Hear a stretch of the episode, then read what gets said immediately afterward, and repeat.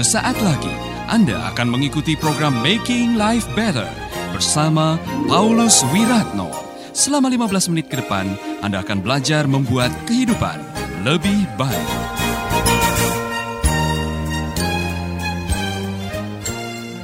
Saudara-saudara saya mau mengajak saudara-saudara merenungkan khotbah Tuhan Yesus. Jadi beberapa hari ini saya akan mengkhotbahkan mengenai seri tentang khotbah Yesus di bukit. Karena saya mau mengajak saudara-saudara betapa luar biasa setiap kalimat yang diucapkan oleh Tuhan Yesus yang dikhotbahkan di bukit yang terkenal dengan khotbah di bukit. Kita mulai dengan ajaran pertama, saudara-saudara. Ajaran yang mengatakan berbahagialah orang yang miskin di hadapan Allah. Karena merekalah yang empunya kerajaan surga. Ayat ini banyak disalah tafsirkan. Salah satu salah tafsirnya adalah ada yang mengatakan untuk bisa mendekati Allah Anda harus miskin dulu. Jadi hanya hanya orang-orang miskin saja yang bisa dekat dengan Allah. Itu sebabnya ada orang-orang yang menjual hartanya, menjual kekayaannya, uh, pergi ke satu tempat untuk mengasingkan diri supaya dekat dengan Allah. Pertanyaannya adalah apakah semua orang miskin yang ada di sekitar saudara dia dekat dengan Allah? Tidak. Ayat ini membuat orang sedikit anti kekayaan. Jadi kalau Anda kaya, orang Kristen kok kaya, Anda tidak rohani. Jadi ayat ini dihubungkan lagi dengan kalimat yang mengatakan orang kaya itu susah masuk kerajaan surga. Ya kan? Padahal Abraham itu kaya. Tuhan Yesus sendiri kaya, saudara-saudara. Makanya dia punya bendahara. Jadi kalau ini ditafsirkan bahwa miskin di hadapan Allah adalah orang yang melarat dan orang yang tidak punya apa-apa sehingga untuk bisa mendekati Allah kita harus memiskinkan diri. Dulu ada semacam pergerakan di mana orang harus beraskesi, orang harus Eh, menjauh dari kebisingan, menjauh dari kekayaan, menjauh dari semua apa hiruk pikuk dunia dan masuk dalam kesunyian. Baru di situlah orang bisa dekat dengan Allah. Nah ternyata itu salah. Yang dimaksudkan oleh Tuhan Yesus, berbahagialah orang yang miskin di hadapan Allah karena merekalah yang mempunyai kerajaan surga. Ternyata bukan masalah miskin secara fisik, miskin secara harta. Bukan itu yang dimaksudkan. Mari kita membahas bersama-sama. Yang pertama, sebetulnya kata berbahagialah itu lebih tepat diterjemahkan diberkatilah. Saya ulangi lagi, saudara-saudara, berbahagia itu lebih tepat diterjemahkan diberkatilah. Bless, rioi, which means to be fully satisfied. Fully satisfied. Orang yang diberkati adalah orang yang benar-benar merasa puas akan hidupnya. Nah makanya menurut penafsir yang paling tepat blessedness itu adalah uh, diberkati, dipuaskan hidupnya. Sedangkan kata miskin di hadapan Allah berarti helpless, helpless, orang yang tidak berdaya. Jelas ya? Jadi orang yang tidak berdaya di hadapan Allah itu pasti akan dipuaskan. Karena ada sebuah ayat yang mendukung Yeremia 17. Diberkatilah orang yang mengandalkan Tuhan. Orang yang merasa tidak berdaya, tidak akan mengandalkan hartanya, tidak akan mengandalkan ketenarannya, tidak akan mengandalkan kroni-kroninya, tidak akan mengandalkan tahta dan kedudukannya. Orang ini hanya satu, dia mengandalkan Allah. Orang kalau sudah mengandalkan Allah, Alkitab berkali-kali mengatakan pasti diberkati. Kepada mereka yang selalu mengandalkan Allah, artinya ia tidak mampu. Seperti kalimatnya Rasul Paulus, di waktu aku lemah, di situlah aku kuat. Waktu aku lemah, di situlah aku kuat, di situlah Tuhan akan bekerja dalam kehidupan kita. Amin. Apa artinya ini? Waktu kita mengatakan kita ini miskin di hadapan Allah, yang pertama berarti kita mengenolkan diri. Kita tidak punya apa-apa. Kita ini nol di hadapan Allah. Tahu, menihilkan diri. Tidak ada yang dibanggakan. Coba mau bangga apa sekarang? Cok kasih tahu saya. Saudara mau bangga kecantikan itu pemberian Tuhan. Orang tua hanya dilewati aja. Iya kan? Saudara mau bangga apa? Kepandaian itu hikmat dari Tuhan. Talenta itu adalah titipan dari Tuhan. Kekayaan itu pinjaman dari Tuhan. Mau bangga apa sekarang? Saudara mau bangga apa? Tidak ada yang bisa dibanggakan di dalam kehidupan ini. Maka ambillah keputusan untuk membanggakan Allah.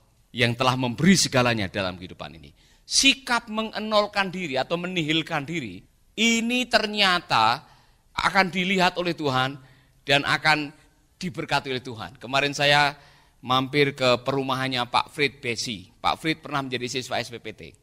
Dan dia sekarang diberkati oleh Tuhan, kemarin dalam pameran ada 32 rumahnya yang terjual dan sedang membeli nego untuk membeli tanah lagi 5 hektar di belakang sana mau membangun lagi dan dia sudah diberkati. Nah saudara-saudara, dia dulu pernah membangun panti asuhan yang baik yang ada di Atambua maupun yang ada di Bipolo.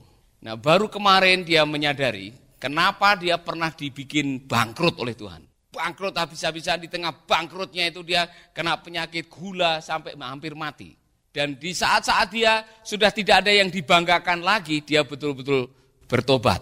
Dia mengatakan, saya bertobat Bapak. Saya dulu agak bangga punya usaha ini, punya usaha ini, ada rasa sombongnya itu ada. Tapi pengalaman itu, pengalaman dia bangkrut, pengalaman dia tidak punya apa-apa, dan pengalaman dia akhirnya harus uh, menderita dengan penyakit gula sampai hari ini masih suntik insulin, itu membuat dia merasa ternyata harta tidak bisa menyelamatkan kesehatannya, ternyata kepandaian tidak bisa menyelamatkan hidupnya, hanya Tuhan yang bisa. Anda masih bersama Paulus Wiratno di Making Life Better.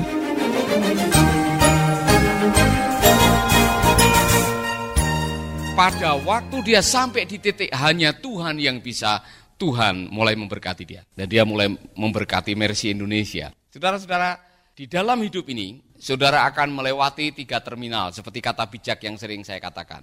Terminal pertama adalah terminal saya bisa. Waspadai jika ada di antara saudara yang mengatakan, oh saya masih bisa pak, saya masih punya uang banyak di bank. Oh paman saya itu bupati pak, ya kan? Istri saya itu tanahnya banyak sekali warisannya. Suami saya itu pak, waduh harta karun pak di rumah itu, luar biasa. Selama Anda mengandalkan apa yang Anda miliki, ketenaran, koneksi dan sebagainya, saudara merasa saya bisa, saya bisa. Di situlah saudara tidak mementingkan adanya doa dan hubungan dengan Tuhan. Ya kan? Ngapain saya berdoa pak? Saya tidak berdoa aja bisa makan kok. Setelah itu saudara akan dibawa ke satu periode yang namanya atau terminal kedua namanya saya tidak bisa. Seperti Pak Fritz tadi. Saat dia sakit parah, kemudian dalam keadaan terpuruk, bangkrut, tiba-tiba dia menyadari harta saya tidak bisa, koneksi saya tidak bisa, kepandaian saya tidak bisa, orang-orang dekat saya tidak bisa. Di situlah banyak air mata. Pernah mengalami itu saudara? Oh Tuhan saya tidak bisa. Oh Tuhan minta tolong ke sana, minta tolong ke sini, telepon sana, telepon sini. Semua bilang maaf ya, saya tidak bisa menolong. Di situlah saudara akan berlutut dan masuk ke terminal yang berikutnya. Hanya Tuhan yang bisa. Saat Anda masuk dalam terminal ketiga, hanya Tuhan yang bisa, di situlah saudara miskin secara rohani. Karena di situlah saudara akan mengandalkan Tuhan. Ada di mana sekarang? Terminal keberapa? Terminal satu, terminal dua, atau terminal tiga? Kalau ada saudara yang sedikit aja, saudara sombong, bahaya saudara. Belajarlah mengenolkan diri. Semua karena anugerahnya diberikan kepada kita. Amin. Apa artinya miskin di hadapan Allah? Miskin di hadapan Allah harus menjadi nilai kehidupan kita. Di saat aku lemah, di situlah aku kuat. Menyadari keterbatasan dan kekurangan sebagai ciptaan adalah sebuah kemenangan. Dengar baik-baik. Menyadari bahwa kita ini terbatas dan kita lemah di hadapan Tuhan adalah sebuah kemenangan, bukan sebuah kekurangan. Kalau Anda datang kepada Tuhan dan mengatakan Tuhan, aku tidak berdaya. Jangan pikir saudara sudah menyerah kalah, bukan itu. Saudara justru menang karena saudara bisa menaklukkan ego pribadi yang selama ini menguasai hidup saudara. Di sinilah kesombongan akan kehilangan pijakan. Bukan hanya itu, saat manusia tersungkur di hadapan penciptanya, dia mengakui kebesarannya, ia sedang mengembalikan diri pada kodrat yang sebenarnya. Sikap ini membebaskan manusia dari ancaman malapetaka yang bunyinya terkutuklah orang yang mengandalkan manusia. Apa saudara-saudara? Terkutuk. Siapa yang mau menerima ini? Firman ini. Terkutuk karena mengandalkan manusia. Oleh karena itu, miskinkanlah dirimu di hadapan Allah. Dengan cara bagaimana? Tersungkur di hadapannya dan katakan, Tuhan, aku hanya mau mengandalkan Engkau, tidak mengandalkan diriku sendiri atau mengandalkan orang-orang di sekitarku. Terkutuklah orang yang mengandalkan manusia, yang mengandalkan kekuatannya diri sendiri, dan yang hatinya menjauh daripada Tuhan. Kalau engkau bergantung kepada dirimu, bergantung kepada orang, bergantung kepada harta, otomatis engkau tidak lagi berpaling kepada Tuhan. Di sinilah Tuhan akan marah oleh karena kita lebih bergantung kepada berkatnya daripada yang memberi berkat. Kalau kita sudah seperti itu, kita salah di hadapan Allah. Miskin di hadapan Allah bukan hanya memaksa kita untuk selalu bergantung kepadanya, tetapi juga menjadikan Allah segala-galanya dalam hidup kita. He's all I need. Dulu ada lagu He's all I need. He's all I need. Jesus is all I need. Ada juga yang baru versinya. Kaulah segalanya di dalam hidupku. Kalau saudara sampai di situ, saudara mungkin sampai seperti ucapan Daud. Ya Tuhan, bukit batuku, kubu pertahananku, dan penyelamatku. Allahku, perisaiku, tanduk keselamatanku, kota bentengku. Daud mengucapkan kalimat-kalimat ini untuk memberikan penghargaan kepada Allah bahwa dia adalah segalanya dalam hidup kita. Saudara-saudara, miskin di hadapan Allah berarti kita menyerahkan diri di bawah kehendaknya. Itu artinya kita selalu meminta tuntunan daripada Tuhan untuk membuat keputusan. Miskin di hadapan Allah berarti kita merasa bodoh di hadapan Tuhan. Kita tidak bisa apa-apa. Kita perlu bimbingannya, kita perlu tuntunannya, kita perlu tangan Allah memegang kita. Amin.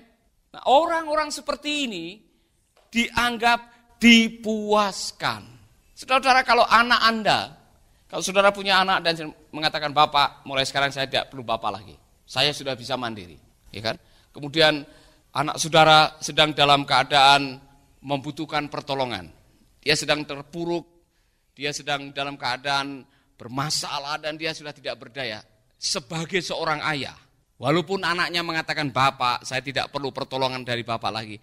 Naluri seorang ayah atau seorang ibu akan mendatangi anaknya dan memberikan pertolongan. Dan apa pun juga akan diberikan kepada anak itu. Dan kalau anak itu tiba-tiba menyambut pertolongan bapaknya, betapa senangnya bapaknya bisa menolong anak. Sebagai seorang bapak sudah bisa tahu.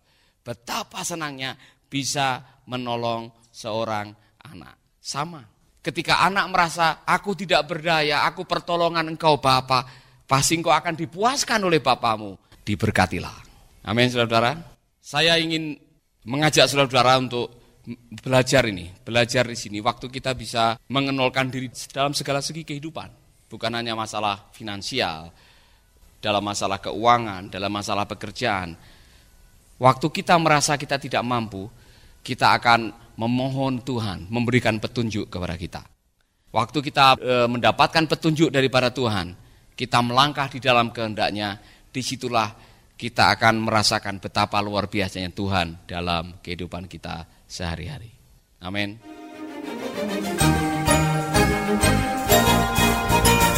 Anda baru saja mengikuti program Making Life Better bersama Paulus Wiratno. Terima kasih atas kebersamaan Anda. Tuhan memberkati.